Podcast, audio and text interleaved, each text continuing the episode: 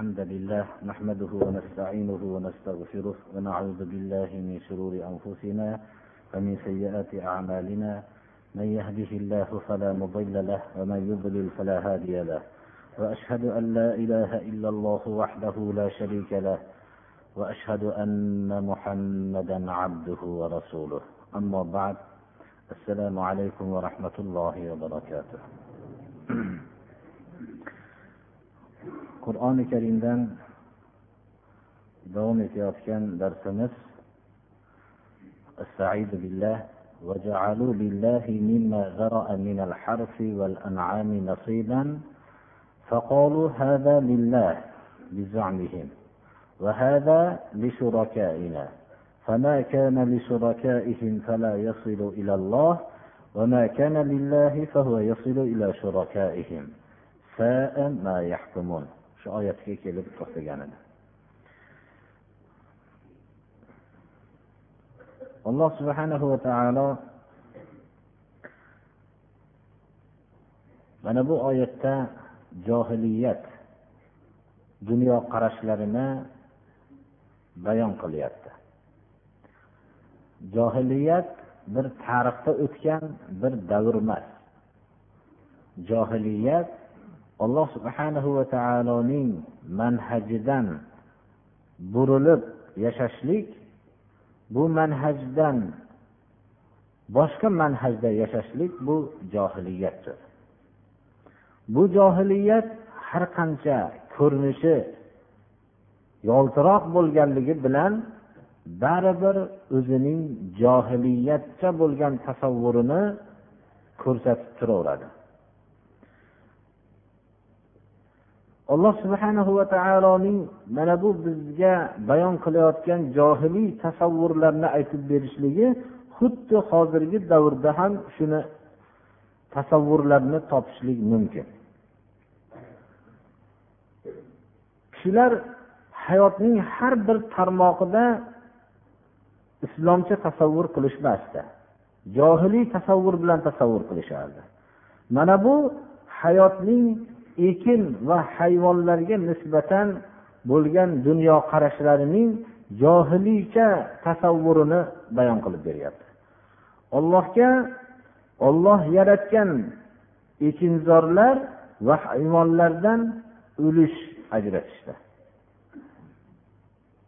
Va aytishdiki bu ollohniki deb o'zlarini davolaricha bu ollohni ulushi deb bir ulushni ajratishdi. Va bu bo'lsa butlarimizniki deyishdi. Qaysi narsa butlariga ajratilgan bo'lsa ollohga ajratgan ulushga qo'shilmasdi. Qaysi bir narsa ollohga ajratilingan ulush bo'lsa u butlarini ulushiga qo'shib yuboraveradi. Bular qilgan hukm nihoyatda bir xunuk yomon bir hukmdir. Abdulloh ibn abbos roziyallohu anhudan rivoyat qilinadiki agar biror bir dehqonchiliklarini hosilini yig'ishtirishganda yoyinki biror bir hayvonlari ko'payib qolgan vaqtda ular ollohga ulush ajratishardi ya'ni bir qism dehqonchilikni ollohni ulushi deb ajratishardi. Yana bir qismini butlarimizniki deyishardi.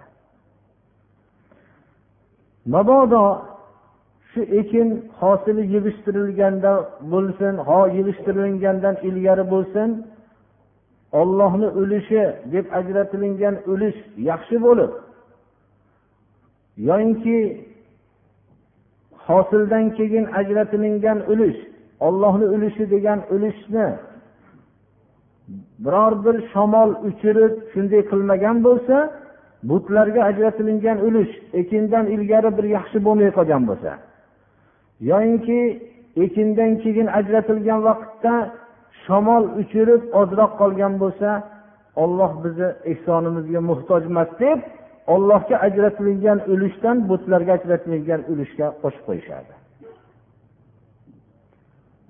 taban bu butlar yemaydi ichmaydi. U butlarning orqasida bekilib yotgan inson butlari bor edi. Ana bu butlar bu jonsiz butlarga ajratilingan narsani tayin qilingan butlar shular edi. Shular yerdi shular ichardi shuning uchun qaysi bir narsa yaxshi bo'lsa avval ollohga ulush ajratishib keyin ollohga ajratilgan ulushni butlarga qo'shib yuborishaverardi.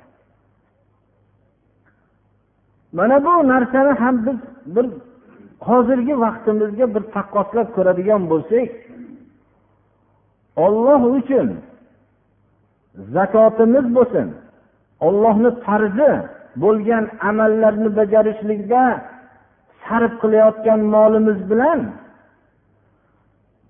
biror bir daraxtga yo buloq bor joyga yoinki biror joyga ajratayotgan mollarimizni ajratib ko'rsak farqini shu daraxt va buloqlar bo'lgan joylarga yo boshqa joyga ajratgan ulushlar juda ko'p odamniki yaxshi bo'ladi birodarlar. Olloh uchun ajratilingan ollohni buyrug'ini bajarayotgan vaqtda juda oddiy narsalarni ehson qilishaveradi. Shar'iy bo'lgan ehsonlarda e'tibor uncha berilmasa ham shariatga muvofiq bo'lmagan bid'iy bo'lgan sarflarga eng yaxshi narsalarni ajratiladi hozirgi vaqtda ham tekshirib ko'rsak biror bir bid'atga sarf bo'layotgan molni hayotimizda ollohni yo'lida ajratgan emasmiz birodarlar.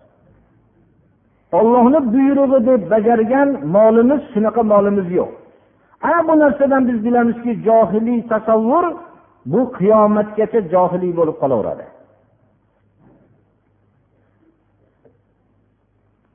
Ba'zi bir kishilarning biror bir joyga nazr qilgan botil nazr ollohga nazr qilishgan emas.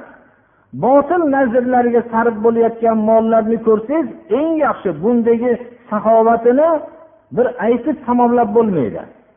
Ammo lekin bir odam zakot berishlik va boshqa bo'lsa bunga juda ko'p hiyla nayranglar qila boshlaymiz. Shariatga zid bo'lgan narsaga ochiq har qancha sarf bo'lsa qilamiz. Ammo shariatga muvofiq bo'lgan joyda molimizni yaxshisini bera olmaymiz birodarlar.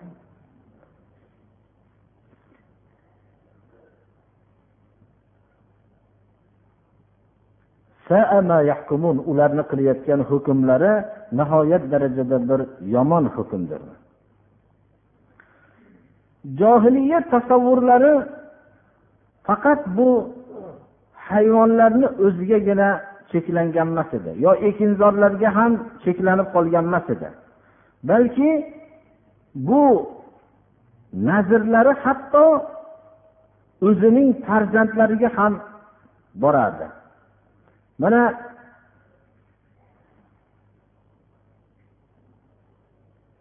keyingi oyatda bayon qilinyapti.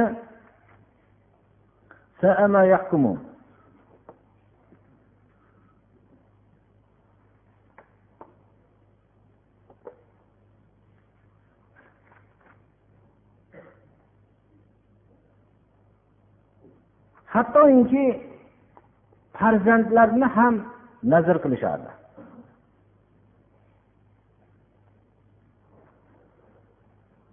وكذلك زين لكثير من المشركين قتل أولادهم شركاؤهم ekinzoru hayvondan tajovuz qilib insonni nazr qilishlik darajasiga chiqqan edi mushriklarning ko'piga o'zlarining farzandlarini qatl qilishlikni butlari ziynatlik qilib ko'rsatib berdi. Nima uchun? Ularni halok qilishlik uchun. Ularga dinlarini shubhalantirishlik uchun mushriklarni ko'piga butlari hatto avlodlarining ham qatl qilishlikni ziynatli qilib ko'rsatib berdi. Arab tilida avlod o'g'il qizga shomil bo'ladi. Hammamizga ma'lumki johiliy tasavvur qizlarni tirik ko'mib yuborishardi. Qizlarni oriyatdan qo'rqib yoyinki bularning kelajakda foydasi yo'q degan fikr bilan ularni tirik ko'mib yuborishardi. Lekin bu yerda mana avlod kalimasi kelyapti. Shuni ham eslatib o'tmoqligimiz kerakki o'g'il bolalarni ham qatl qilishlik ba'zida topilardi.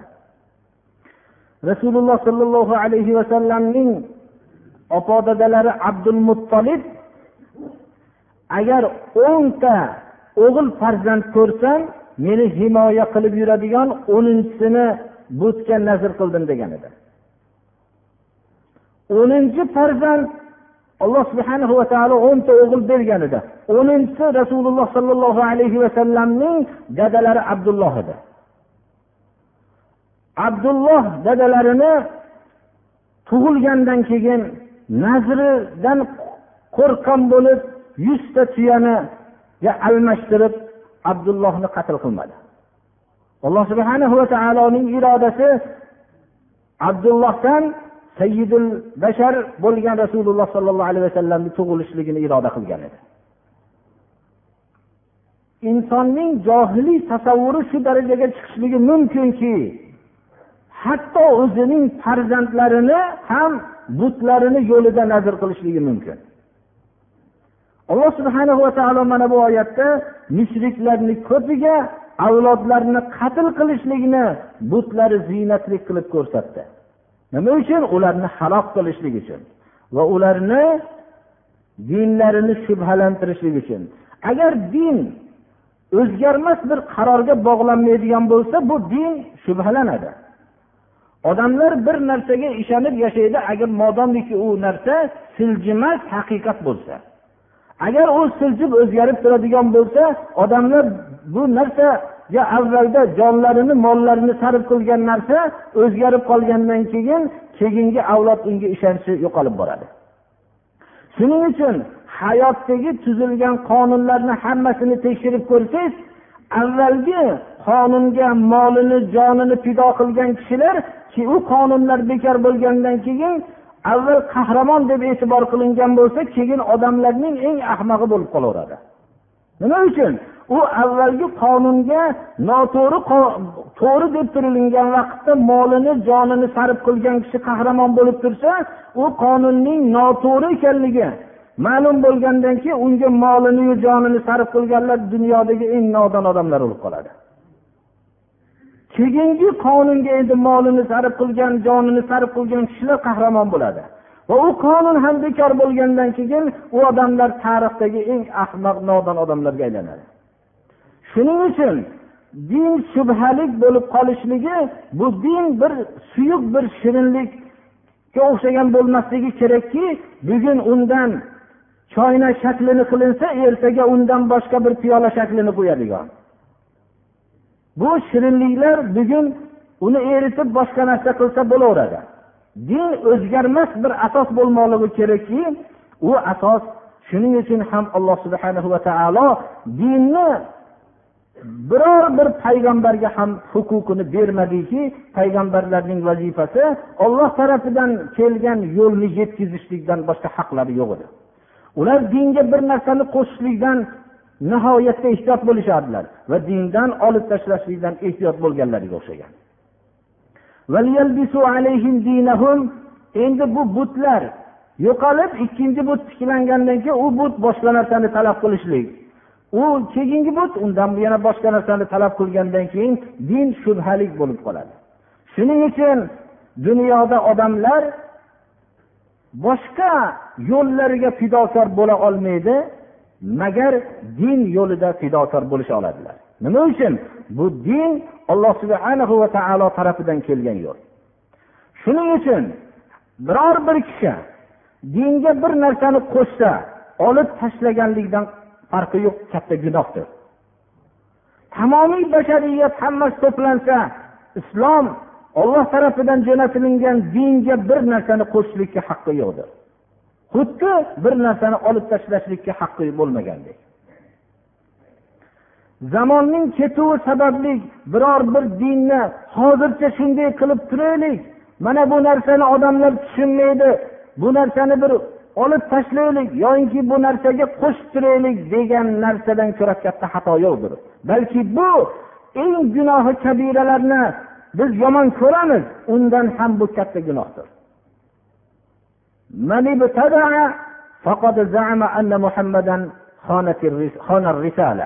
Deb vaka roziyallohu anhu shunday degan ekanlarki agar kim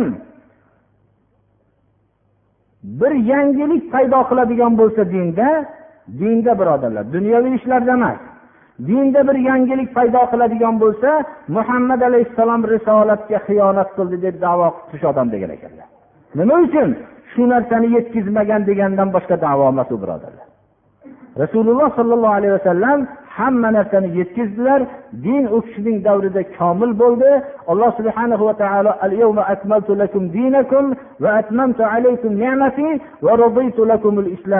deb o'zining komil qilganligini e'lon qildi. Shuning uchun mana bu butlar bugun inkor qilgan narsasini ertaga isbotlaydi. Bugun isbotlagan narsasini ertaga inkor qilib kiraveradi lekin u butlarning orqasida jonlik butlar turib boshqaradi birodarlar.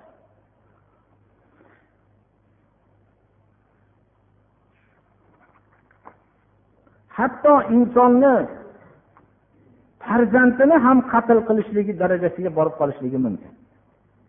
Bu narsalar hammasi alloh subhana va taoloning mashiati bilan bo'ldi. Ya'ni agar olloh xohlaganda ular bu ishlarni qilmagan bo'lardi olloh insonni inson bo'lishligini xohladi. Agar olloh xohlaganda hammani maloika tabiat qilib pokiza qilib hidoyatlangan kishi qilib yaratgan bo'lardi. Lekin olloh uni xohlamadi. Olloh xohladi insonlarning inson bo'lishligini. Unga insonga bir qisman ixtiyor berishligini xohladi. Saodat va shaqovatni shu ixtiyori bilan tanlab oladigan bo'lishligini xohladi. Agar olloh xohlaganda ular shunday mushrik bo'lmagan bo'lardi. Ya'ni olloh ularni eng taqvolik sifatda yaratgan bo'lardi. Lekin olloh insonlarni bosmaxonadan chiqadigan bir xildagi nusxadagi kitob bo'lishligini xohlamadi. Insonlarni maloika tabiatidaqa bo'lishligini xohlamadi. Insonlarning mutlaqo ixtiyori yo'q bo'lgan hayvonlardaqa bo'lishligini ham xohlamadi. Shuning uchun insonni eng mukarram qildi o'zining ixtiyor sifatidan berdi va shu bilan uni yer yuziga xalifa bo'lishlikka tanladi. Mutlaqo mamnu yeyishligi mamnu ba'zilarini minishlik mamnu ba'zi hayvonlar erkak kishilarga yeyishlik durust emas. Ba'zi hayvonlar ayol kishilarga yeyishlik mumkin emas ba'zi hayvonlarning bu qismini yesa bo'ladi. Bu qismini yeb bo'lmaydi degan johiliy tasavvurlar bor edi. Mana deyishadiki bu hayvonlar mamnu hayvonlar. Ya'ni ba'zilari yeyilishligi mamnu bo'lgan hayvonlar ba'zilari bo'lsa bu minishlik mamnu bo'lgan hayvonlar. Va mana bu ekinzorlar butunlay yeyishlik mamnu bo'lgan ekinzorlar. Hozirda ham ko'p kishilar borki mana bu ekinzorni yeb bo'lmaydi mana bu buloqdagi baliqni tutib yeb bo'lmaydi mana bu joydagi narsani yeb bo'lmaydi o'zi baliqdan ko'ra halol narsa yo'q birodarlar. Dunyoda o'zi o'l o'lgani ham halol bo'lgan hayvon baliqdir birodarlar. Mabodo suvda shu bir hayvonni tutib baliqni tutib mana hamma joydan olib yeyveramizki bu ikki narsa bizga halol qilindi. Ikkita qon va ikkita o'limtik. Bittasi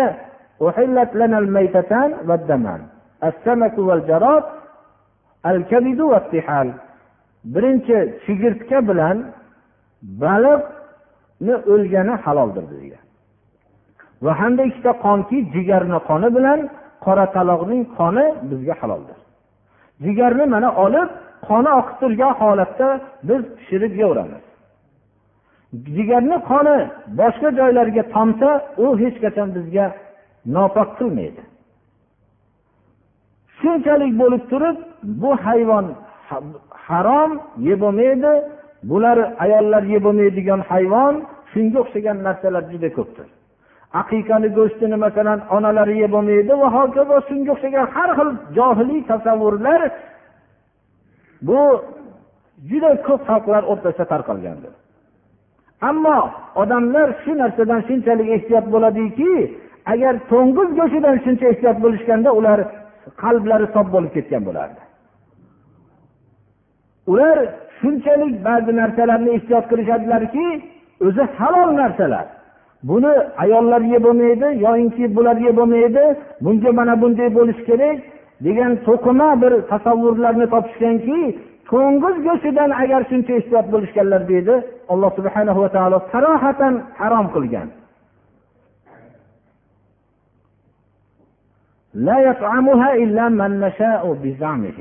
Ular davo qilishadi bu ovqatlar mamnu faqat biz xohlagan odamlargina davolarda shunday deyishardi yeyishi mumkin deyishardi.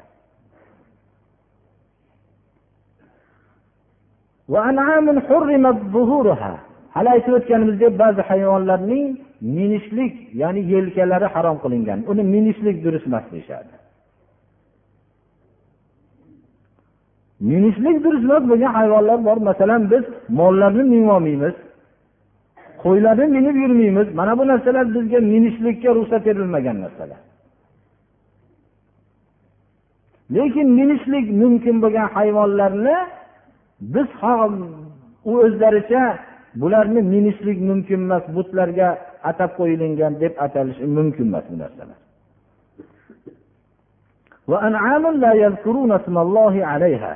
Ba'zi hayvonlar bor ediki ularni davolaricha ollohni ismini aytib so'y bo'lmaydi deyishadi faqat bunga butni nomini aytishlik kerak deyadi iftiroan alayh ollohga bo'ston qilishib shunday deyishadi qilgan bo'stonlari bilan yaqin kunda jazolanishadi ular olloh jazolarini beradi ularga وقالوا ما في بطون هذه الأنعام خالصة لذكورنا ومحرم على أزواجنا وإن يكن ميتة فهم فيه شركاء سيجزيهم وصفهم إنه حكيم عليم yana johiliy tasavvurlarni alloh subhana va taolo bayon qilib shunday deydiki ular aytishdiki yana bu hayvonlarning qorinlaridagi ya'ni urg'achi hayvonlarning qornidagi ba'zi bir bolalarini tug'ilmagan bolalarini erkaklarimizga xos bu. Faqat erkak kishilar yeyishi kerak buni deyishadi ayollarimizga bu harom qilingan deyishadi hozirgi vaqtda ham shu ayol kishi yeb bo'lmaydi yo erkak kishi yeb bo'lmaydi degan narsalar juda ko'p birodarlar.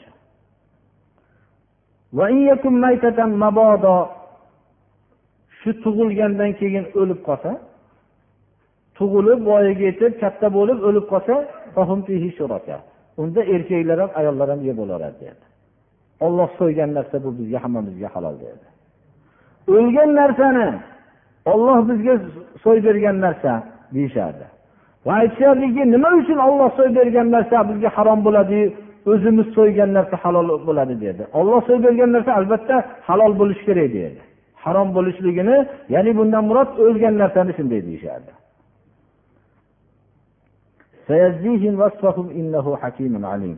Ular yaqin kelajakda alloh subhana va taolo ularni o'zlarining shu qilgan to'qima sifatlariki olloh so'y bergan deb o'lib qolgan narsani shunday qilgan sifatlarini jazosini alloh taolo yaqin kunda beradi. Innahu hakimun alim. Alloh subhanahu va taolo o'zini manhajini yuborishlikda hikmatlik va manhajini kimga bildirishlikda bilimdon zotdir. haqiqatda ham ollohning manhaji bo'lmasa odam o'zicha har xil tasavvurlarni qilib tamoman o'zi to'g'ri yo'ldan adashib ketaveradi قد خسر الذين كذبوا قد خسر الذين قتلوا أولادهم سفها بغير علم وحرموا ما رزقهم الله افتراء على الله قد ضلوا وما كانوا مهتدين avlodlarini nodonlik bilan bilimsizlik bilan qatl qilganlar juda ziyonkor bo'lishdi. Dunyoda ham oxiratda ham ziyonkor bo'lishdi.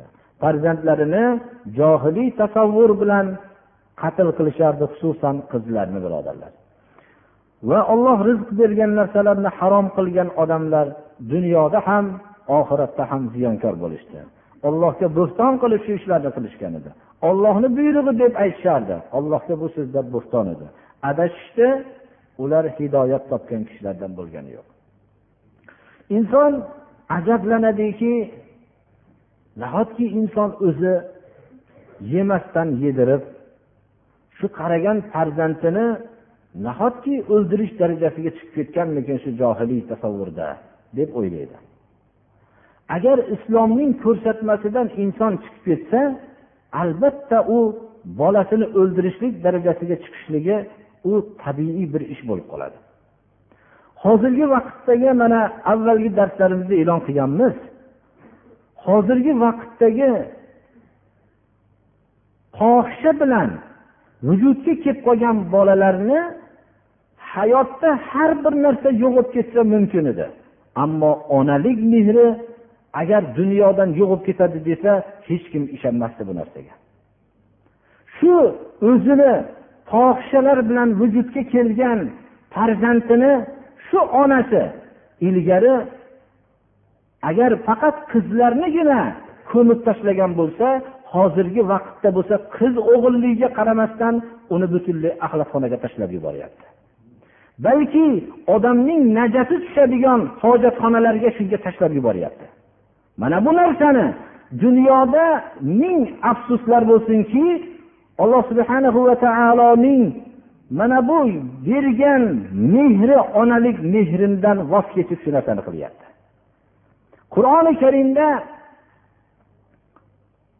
استعيذ بالله ولا يقتلون النفس التي حرم الله إلا بالحق ولا يزنون odamni qatl qilmaydigan bandalarim deb va zino qilmaydigan bandalarim deb ollohni o'zini bandalarini maqtayotgan o'rinda zino bilan qatlni yonma yon keltirilgan. Zino bilan qatl odamni o'ldirishlikni yonma yon kelishligidagi sir birodarlar zino odamni qatl qilish darajasiga olib boradi. Va shu bilan agar u odamni bir qatl qiluvchi kishi bitta odamni qatl qilsa zino bilan tamomiy odamlarni qatl qilib tashlaydi. Va o'zidagi eng onalik otalik mehrlarni ham qatl qilib yo'qotib tashlaydi. Qur'oni karimning mana bu oyati qaysi bir joyda zinoni zikri kelgan bo'lsa shu yerda qatl bilan yonma yon keltirilgan.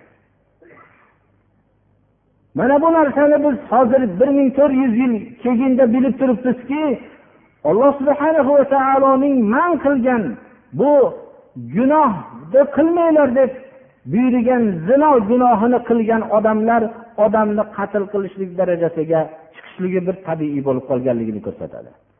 Hozirgi vaqtda fohisha ishlar sodir bo'lgan joyni aksarini tekshirib ko'rilsa shu yerda odamni qatli ham sodir bo'lgan. Mana bu jinoyat bilan shug'ullanayotgan mutaxassis odamlar buni yaxshiroq bilishadilar.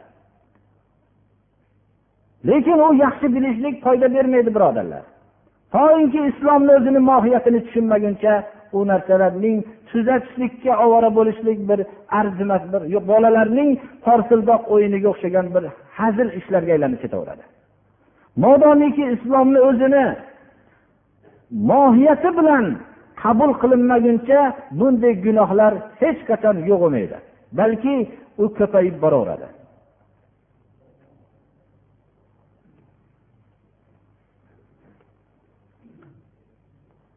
أنشأ جنات معروشات وغير معروشات والنخل والزرع مختلفا أكله والزيتون والرمان مشتبها وغير متشابها وغير متشابه. كلوا من ثمره إذا أثمر وآتوا حقه يوم حصاده ولا تسرفوا إنه لا يحب المسرفين. alloh subhanahu va taolo o'zi shu darsimizda hammamizga amal qilishlikka alloh tavfiq bersin qalbimizga jo qilsin alloh subhanahu va taolo johiliy tasavvurlardan o'zi saqlasin. Birodarlar dunyoqarash bu nihoyatda muhim narsadir. Avval insonda dunyoqarash vujudga keladi keyin hayotdagi yo'nalish vujudga keladi. Odamning dunyoqarashi buzilsa uning yo'nalishi ham buziladi. Alloh subhanahu va taolo hammamizni ham dunyoqarashimizni to'g'rilasin. Va hayot yo'nalishimiz ham alloh taolo o'zini manhajiga muvofiq bo'lishligini alloh nasib qilsin.